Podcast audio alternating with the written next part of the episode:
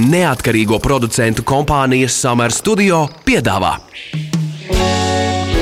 Ķepa uz sirds par viņiem, mūsu pašiem labākajiem draugiem. Raidījumu atbalsta Borisa un Ināras Teterevu fonds.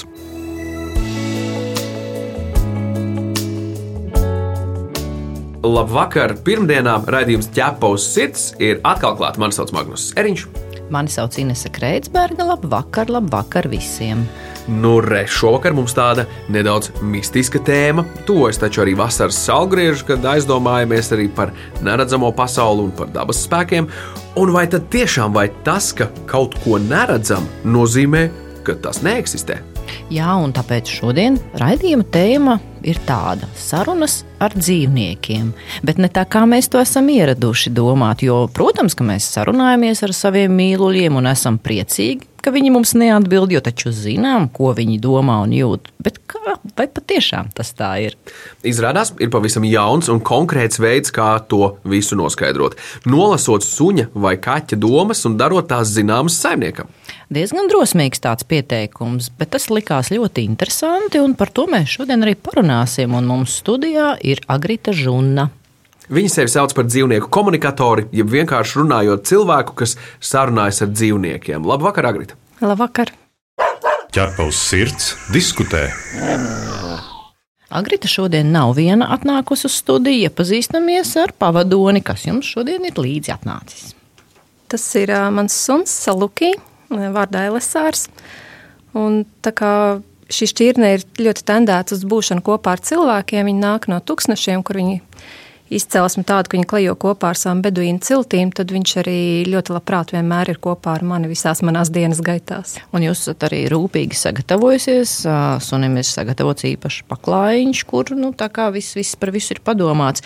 Mēs bieži raidījumā ķepus sirds uzskatām tā, ka nevis cilvēks izvēlējies savu mīluli, bet tas mīlulis tieši viņu ir atradis pats.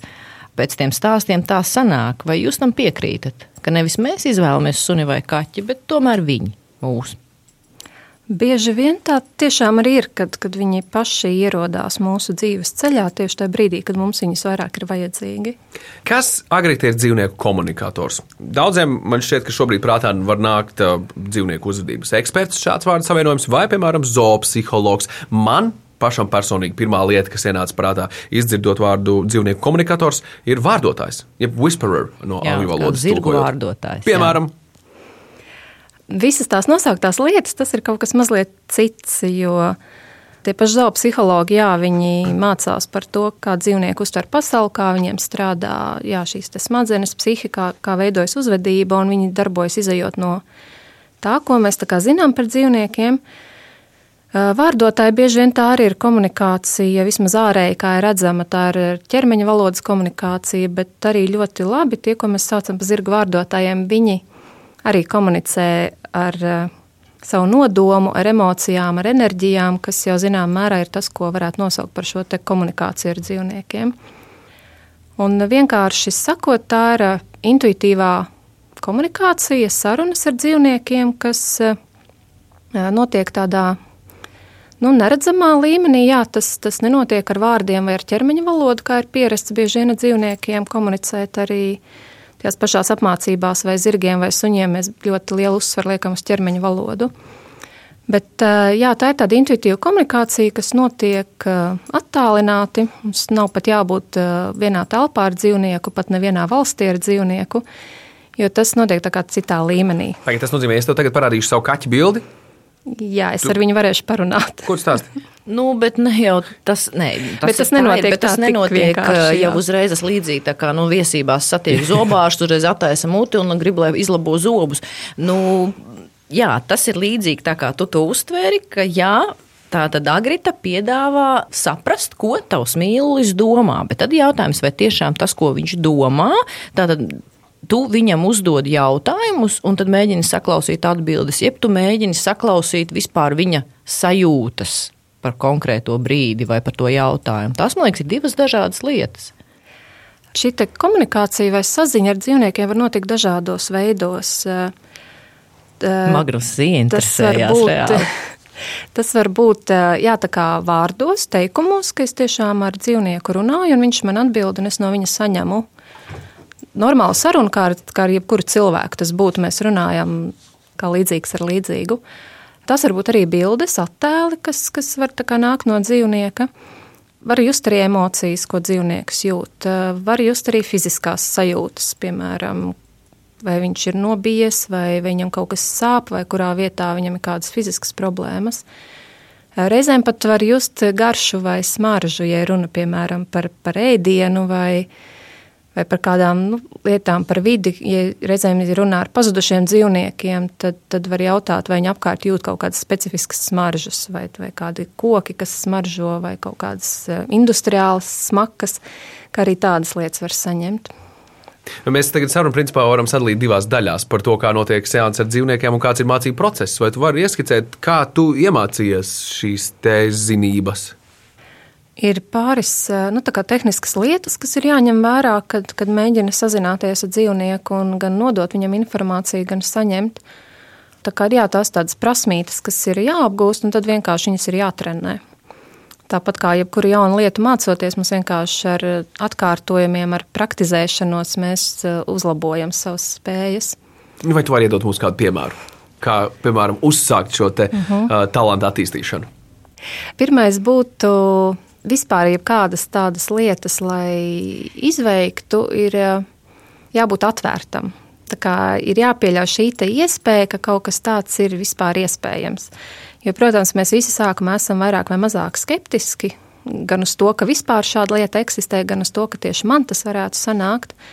Bet pirmais ir iedot šo to, sev šo atļauju, kad varbūt es tam vismaz uz šo brīdi noticēšu, un, un tad sākt mēģināt. Tas ir katram individuāli, kas kuram palīdz noskaņoties, un laika gaitā cilvēks atrod, vai viņam vieglāk ir runāt no rīta ar dzīvniekiem, vai vakaros, vai, vai vai kaut kāda cita noskaņošanās nepieciešama. Parasti kaut kāda noskaņošanās ir nepieciešama, jo tā uz sitiena reizēm sanāk, bet vienalga bieži vien vajag kaut vai pāris minūtes, eh, lai sevi noskaņotu un atrastu to iekšējo nu, stāvokli un sajūtu, kurā tu vari pieslēgties šim dzīvniekam. Bet tas viss nāk ar praksi, un uh, ar laiku tas prasa izdodas arvien vienkāršāk. Tad, kad to sāk mācīties, tad tas ir vesels process. Gan drīz vēl šī noskaņošanās reizēm var būt ilgāka nekā pati saruna. Vienkārši lai cilvēks nonāk tajā patiešām mierīgajā, relaksētajā stāvoklī, kad viņš var kā, sakontaktēties ar dzīvnieku un uztvert informāciju. Kāda informācija tev visbiežāk lūdz nolasīt, Jā. vai ar kādu informāciju tu visbiežāk saskaries? Kādi ir tie jautājumi, ko prasa? Bet laikam nav tādi vieni, kas ir visbiežākie, bet uh, parasti jā, tās ir eh, tēmas, kad ir kaut kādas uh, manu problēmas situācijas vai vienkārši neskaidrības par to, kāpēc dzīvnieks uh, uzvedās tā, kā uzvedās, vai jā, ir jāatrisina kāda konkrēta problēma uzvedība. Tad jā, atsevišķa tēma ir par dzīvniekiem, kas ir viņu kā, dzīves nobeiguma posmā, vai arī kas ir ļoti slimi. Uh, Un cilvēki grib saprast, vai šis dzīvnieks ir vai nav gatavs aiziet, vai dzīvnieks piekrīt eitanāzijai. Ir arī par veselības lietām reizēm jautājumi, kad jā, saprast, kā dzīvnieks jūtās, bet šeit, protams, ir jāmin tas, ka e, dzīvnieku komunikators nav tiesīgs uzstādīt diagnozes, jo to var darīt tikai veterinārārsts. Tā kā, nu, mēs varam tikai pateikt, kādu informāciju sniedz dzīvnieks vai ko mēs sajūtam viņa ķermenī, bet to nekādā veidā nedrīkst uztvert kā medicīniskus nu, kā padomus. Tu esi mans draugs, ķepus sirds. Bet eh, runājot par to, par tiem saimnieku jautājumiem, varbūt varat noraksturot, nu, piemēram, kāds ir bijis dialogs, kāds ir bijis saimnieku jautājums un kāda bijusi dzīvnieku atbilde, lai mēs saprastu, kā apmēram tas notiek. Kāds ir bijis piemērs, ko saimnieks gribējis noskaidrot un kāda veida atbilde viņš ir saņēmis. Viens tāds gadījums jā, bija par eh, kaķenīti, kas bija sākusi čurāt gultā. Un, uh, Bieži vien šo lietu sāk, protams, risināt, aizvedot dzīvnieku pie vetārsta, kas, protams, ir nu, pareizais gājiens pārbaudīt, vai dzīvniekam vienkārši nav kaut kāda slimība, kas provocē šādu uzvedību. Un tad nākamā lieta parasti ir pārbaudīt, vai dzīvnieku apmierina dzīves apstākļi, vai viņam ir pietiekoši tīra kastīte, vai tās kastītes pietiekoši daudz, vai tur kaut kas pēkšņi netraucē viņam iet uz kastīti. Bet šajā gadījumā jā, ļoti interesanti bija tas, ka šī čurāšana gultā notika tikai tad, kad saimniece aizbrauc prom no mājām uz vairākām dienām. Un ar dzīvnieku parunājot, mēs konstatējam to, ka tādā veidā kaķis izrāda. Viņš tā kā protestē pret to saimnieces došanos prom, bet nevis tāpēc, ka viņš tiek pamests viens, bet tāpēc, ka saimniece brauc strādāt projektos, kas viņai nav jādara ka viņi iet tā kā nepareizo profesionālo izvēles ceļu savā dzīvē, nevis seko savai sirds balsī, nevis dara tās lietas, ko viņa patiešām gribētu darīt, bet viņa dara lietas, kas viņai šķiet, ka viņai ir jādara, jo viņai ir jāpelna nauda vai jānodrošina kaut kāda dzīve. Un šis kaķis bija viņai, viņai ir viņš nācis dzīvē kā viņas skolotājs un palīgs, un tas bija veids, kā viņa lika manīt, ka, ka tu, tu rīkojies nepareizi, tev ir kaut kas jāpārdomā savā dzīvē. Kā ir ar humoru izjūtu dzīvniekiem? Viņi mēdz jokot, viņi mēdz būt iedomīgi. Kādas šādas iezīmes? Mājdzīvniekiem, nu, tā kā mūsu pieradinātiem dzīvniekiem, parasti humora izjūta ir, viņi mēdz jokot. Savvaļas dzīvniekiem tas piemītot retāk, jo viņiem ir bijušas citas rūpes, viņiem ir uh, jāpabaro mazuļi, jāpaliek pašiem dzīviem. Viņi bieži vien nenodarbojas tādām lietām kā jokošana. Bet uh, maidzīvnieki, jā, viņi mēdz pajokot.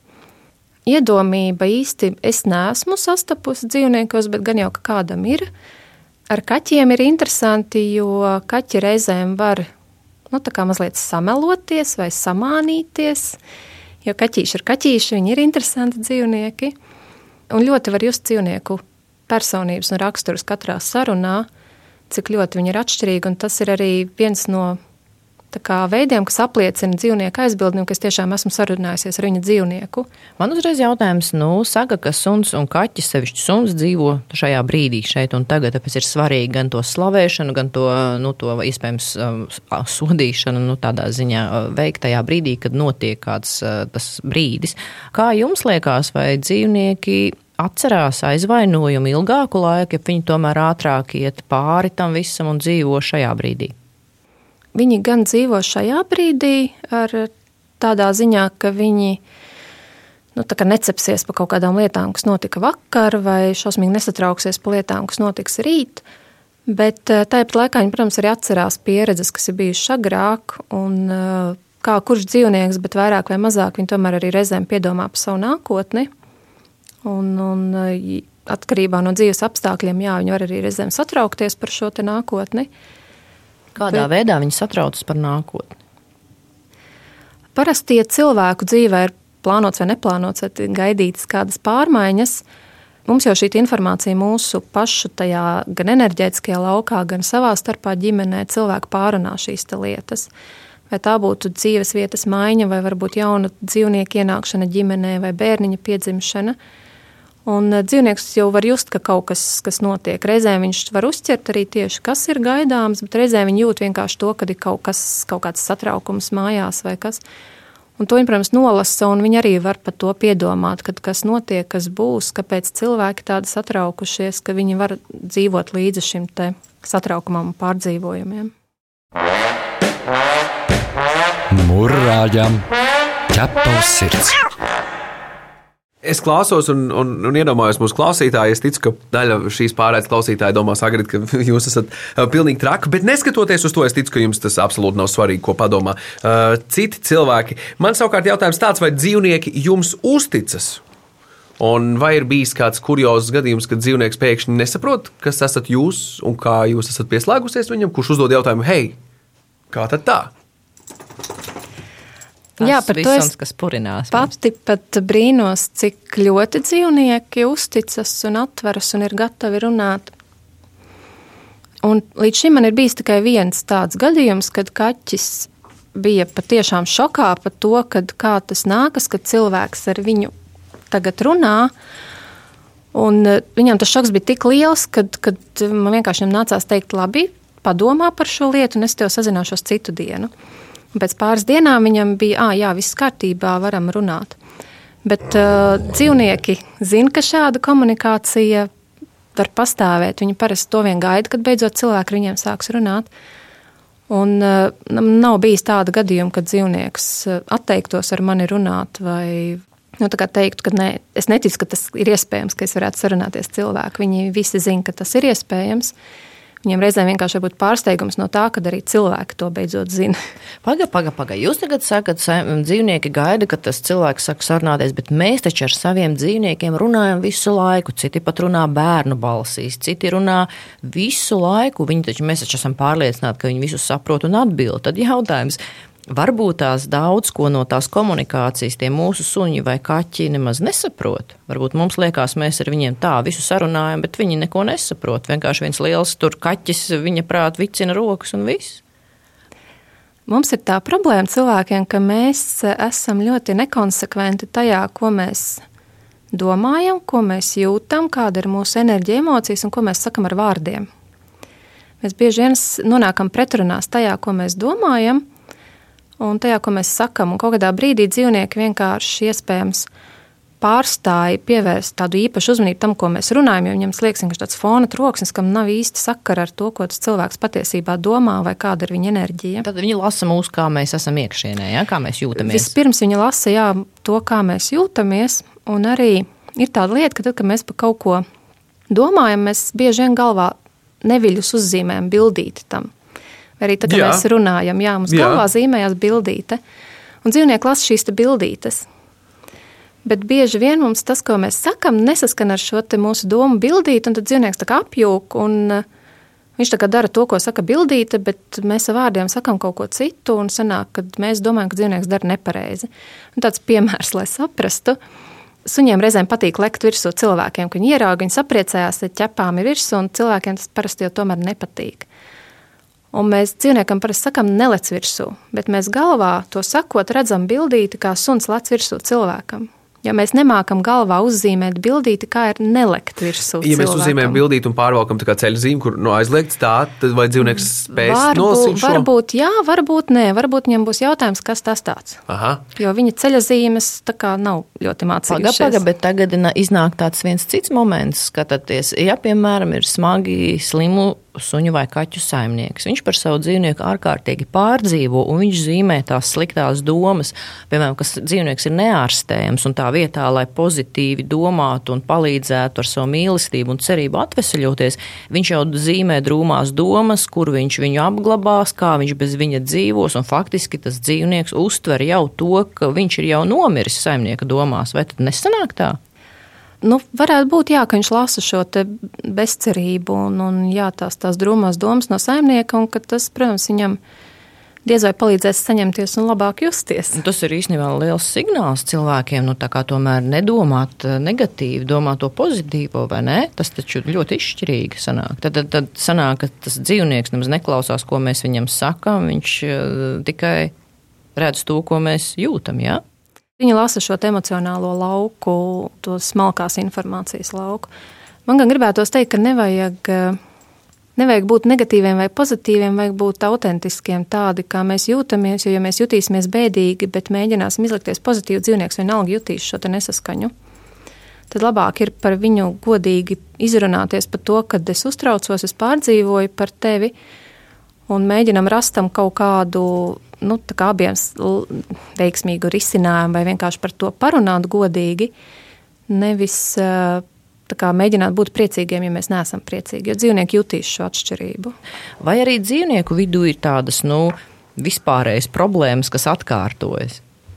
Kas viņus satrauc? Viena lieta, protams, ir jā, ka viņi gribētu, lai mēs ar viņiem vairāk komunicējam, gan, gan šādās sarunu līmenī, gan, gan vienkārši ikdienā esam ar viņiem vairāk kopā un no nu, viņiem mācāmies, kā būt tajā šeit un tagad brīdī, kā vienkārši priecāties par sīkumiem, par kā pamanīt skaistas lietas dzīvē, priecīgas. Un, jā, kā biežāk izkāpt ārā no sava prāta, no galvas, kas, kas mums tin šos te riņķīšus, kad, kad ir jāstrādā, ir jāpelna nauda, ir jāgādā par to, šito vēl kaut ko, kad izkāpt pēc iespējas biežāk ārā no tā un, un gan atpūsties, relaksēties, gan, gan papriecāties par to, kas ir apkārt un gal galā samīļot savu dzīvnieku. Nevis eh, tik daudz skriet kā vāverēm ritenī. Atgādinām, ka pie mums studijā šodien ir Agrita Žuna, un mēs runājam par to, vai ir iespējams nolasīt mūsu mājdzīvnieka domas. Šo radio raidījumu, protams, varēsiet dzirdēt arī straumēšanas servisos podkāstu formā, kā arī Latvijas radio mājaslapā, arhīvu sadaļā un, protams, arī jaunajā Latvijas radio mobilajā lietotnē. Ķepa uz sirds, suņu būda.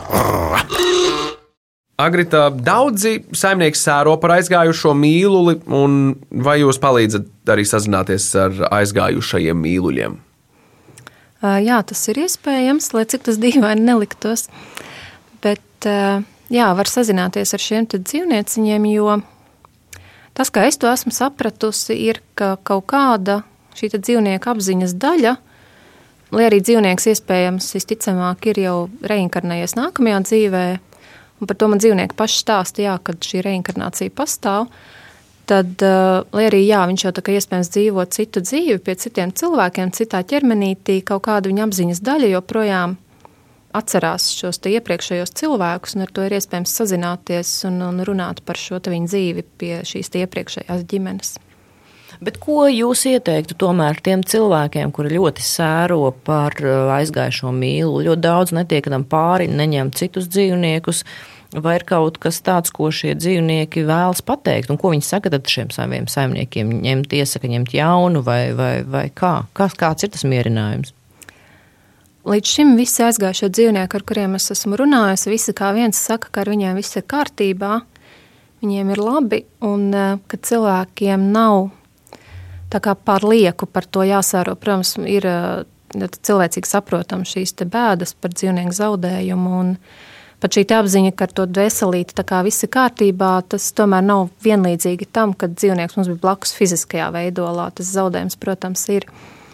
Bet jā, no dzīvniekiem, arī no šīm sarunām ar aizgājušiem dzīvniekiem, vai no tiem, kuri ir gatavi aiziet, var mācīties uztvert nāvi un miršanu kā dabīgu procesu, kurā nav nekā kā biedējoša vai traģiska, ka tas tā vienkārši notiek. No dzīvniekiem var mācīties zināmā mērā vieglumu par šo procesu, par nāvi kā tādu, kas mums arī pašiem cilvēkiem noderētu mūsu pašu dzīvēs, attiecībā gan uz sevi, gan uz saviem uh, cilvēku sugas eh, biedriem un radiniekiem un draugiem. Es tikai aizdomājos par vēl vienu aspektu patiesībā, kas varētu būt gan vērtīgi. Piemēram, uh, ja mīlulis ir pazudis, Vai var atrast pazudušu dzīvnieku šādā veidā, saslēdzoties ar viņu? Var atrast, bet ar šo jomu nodarbojās ne visi dzīvnieku komunikātori, jo tā ir diezgan tā sarežģīta joma, un tas ne visiem ļoti labi padodas. Bet ir, kuriem tas tiešām padodas šī prasme, un viņi ļoti veiksmīgi var palīdzēt atrast pazudušus dzīvniekus. Agrīt jūs pieredzējāt, ir bijuši šādi gadījumi? Ir bijuši gadījumi, bet tā nav joma, kas man ļoti labi paveiktos. Es uh, neatsaku palīdzēt, bet uh, jā, tā nav tā mana specifika. Nu, te varētu vēl saprast, piemēram, par to, ka nu, varētu pateikt, vai dzīvs, dzīvnieks vai nē, jo no otras puses, pat ja viņi varētu sazināties, nu, viņš nepateiktu GPS koordinātus. Viņš varbūt pateiktu, kokus redzu vai grāvjus, nu, varbūt no tāda viedokļa. Nē. Bet to vai pateikt, vai dzīvnieks ir miris vai vēl dzīvs, to var pateikt. No, no sarunas ar dzīvnieku to nevienmēr var pateikt. Un es arī parasti izvairos dot šādu atbildi, jo pirmkārt dzīvnieki nevienmēr fizisko nāvi kā, uztver kā, kā nāvi, jo viņš, viņa dvēselīte ir, joprojām ir eksistē, viņš, viņa sevi uzskata par nemirstīgām būtnēm tādā ziņā. Uh, Un tas, ka ir kā, gājis bojā šis viņa fiziskais veidoliņš, viņš to nevienmēr var uztvert kā nāvi. Līdz to tā informācija, ko dzīvnieks sniedz, var būt neprecīza. Vai arī, ja dzīvnieks ir aizgājis bojā, nu, kad pēkšņā situācijā notriekta mašīna, viņš pats vēl varbūt nav sapratis vispār, kas ir noticis, tad arī šajā brīdī šī informācija no dzīvnieka vienkārši var būt neprecīza. Tā kā šis ir jautājums, ar kur arī ir jāpietās diezgan uzmanīgi, un arī ir komunikātori, kuri ir gatavi sniegt šo, šādu informāciju dzīvnieku aizbildņiem par to, vai dzīvnieks ir vai nav dzīvs vai miris. Bet ir, kuri to nedara vienkārši tā iemesla, ka ir iespējams kļūdīties. Un, nu, tas nebūtu korekti varbūt pateikt, ka cilvēkam, ka viņa dzīvnieks ir miris, pēc tam varbūt gadās, ka pēc pāris nedēļām atrodas, ka šis dzīvnieks ir dzīvs. Bet te uzreiz jautājums, nu, vai varētu jautāt, vai mīlulim, kas sāp, zinot, ka, piemēram, kaķi ir tie, kas neizrāda sāpes, bet šāda informācija saimniekam jau būtu ļoti vērtīga, vai to, piemēram, var noskaidrot, ka kaķis pasaka, parāda, norāda, kur viņam sāp vai kas ir diskomforts? To var noskaidrot, bet arī atšķirās dzīvnieki, kā viņiem pašiem ir izpratne par savu ķermeni. Jo varbūt dzīvnieks ļoti konkrēti var pateikt, kur viņam eh, ir kādas problēmas vai vainas, un ir pat dzīvnieki, kas var eh, diezgan konkrēti pateikt, kādas eh, medikamentus viņi gribētu vai negribētu saņemt. Un ir dzīvnieki, kuriem tā viņu izjūta varbūt nav tik, nu, nevar teikt, ka nav laba, bet viņi varbūt nespēja viņu tā noformulēt. Un tad ir iespēja vienkārši palūgt atļauju dzīvniekam, vai viņš ļauj savu ķermenīti kā, e, fiziski izjust. E, kad es varu mēģināt iejusties dzīvnieka ādā un mēģināt saprast, kur viņam ir kaut kāds diskomforts. Bet tās atkal nekādā gadījumā nebūs diagnozes, tās varbūt vienkārši sajūtas ķermenī, kur, kur kaut kas jūtās e, nu, nekomfortabli vai, vai citādāk nekā varētu būt. Bet nu, tā raidījuma noslēgumā nu, tāds tomēr jautājums. Es pieļauju, ka eh, ļoti daudziem radīsies interese nu, par tādu klātnietes konsultāciju, vai nu, tas tāds intriģējošs, nu, tas mēs, ko šodien runājām. Jautājums, vai jūs strādājat ar visiem klientiem, ja arī atsakat kādam, kādi ir tie kritēriji? Nu, piemēram, iedomājieties, jums tagad 20 zvani būs vai meklēs cilvēki, vai jūs ar visiem strādājat? Līdz šim tā kā nav nācies atteikt, bet uh, Es pieļauju, ka jā, kad varētu būt situācijas, it sevišķi, ja varbūt uh, cilvēki to grib vienkārši pamēģināt intereses pēc, nu, tā kā ziņkārības pēc, vai tas kā pārbaudas pēc. Uh, ja nav šī tiešām patiesā vēlme uzklausīt dzīvnieku un būt gatavam sadzirdēt to, ko dzīvnieks saka, tie varētu būt gadījumi, jā, kad, kad es atsaku šīs sarunas. Jo dzīvnieki parasti ļoti priecās, kad viņiem sarunās, viņiem ir iespēja izteikties. Viņi protams, saka lietas, kuras viņi vēlas, lai sadzird viņu aizbildņi. Un, ja šis aizbildnis nav gatavs sadzirdēt dzīvnieku informāciju un nav gatavs ņemt pretī šo informāciju, tad sanāk, šis dzīvnieks ir pievilcis. Jo viņš ir patiešām no sirds uh, uzticējies, viņš ir uh, pastāstījis par sev svarīgām lietām, bet tam nesako nekāda kā, pozitīva pretreakcija vai darbība pēc tam. Agrita, loģiski, ka mēs vēlamies arī pavaicāt par tavām un tavu suņu sarunām. Ja esi gatava, varbūt padalies ar kādu no šīm reizēm. Uh, jā, tā ir tā interesantā lieta, ka runāt ar saviem dzīvniekiem nereti ir uh, grūtāk nekā ar svešu cilvēku dzīvniekiem. Jo parasti jau mēs runājam tā, nu, tā patiešām nu, apsēžamies un iedziļinamies un runājam, tad, ja ir kaut kāda risinājuma situācija. Uh, Un par saviem maidzīvniekiem, eh, saviem dzīvniekiem ir. Mums parasti prātā jau ir pats versijas, kāpēc viņš dara to un to, vai kāda varētu būt iemesli viņa uzvedībai. Un šīs versijas, kas mums jau ir prātā izdomātas, parasti jaucās pa vidu tai sarunai un neļauj mums patiešām uztvert to informāciju, kas nāk no dzīvnieka. Tādēļ, ja ir kaut kāds tiešām kā nopietni svarīgi jautājumi, tad bieži vien arī profesionāli dzīvnieku komunikātori lūdz eh, kādam citam komunikātoram parunāt ar viņu dzīvniekiem. Ir vēl citi dzīvnieku komunikātori. Tu pazīsti tādus arī? Mm, jā, Aha, Latvijā gan es pasaulē? personīgi pazīstu tikai vienu, bet šī lieta citur pasaulē kļūst ar vien populārāka, un šādu cilvēku ir patiešām diezgan daudz. Nu, rekā ieskatījāmies mazliet tādā nezināmajā, mums neredzamajā pasaulē, bet secinājums, protams, katram ir jāizdara pašiem. Tas tiesa, Agrita, liels, liels, liels paldies, ka biji kopā ar mums raidījumā ķepus sirds, lai, lai konstruktīvas un, un, un pamatīgas sarunas arī nākotnē. Paldies par uzaicinājumu! Visur kopā - ķepus sirds! Bet mēs atgādinām, ka ķepus ir TV raidījums redzams sestdienās 11.15 un atkārtojumā svētdienas pēcpusdienā LTV1. Mēs, protams, arī gaidām jūsu jautājumus, ierosinājumus, kā arī idejas sižetiem. Rakstiet mums uz info atķepaus sirds LV.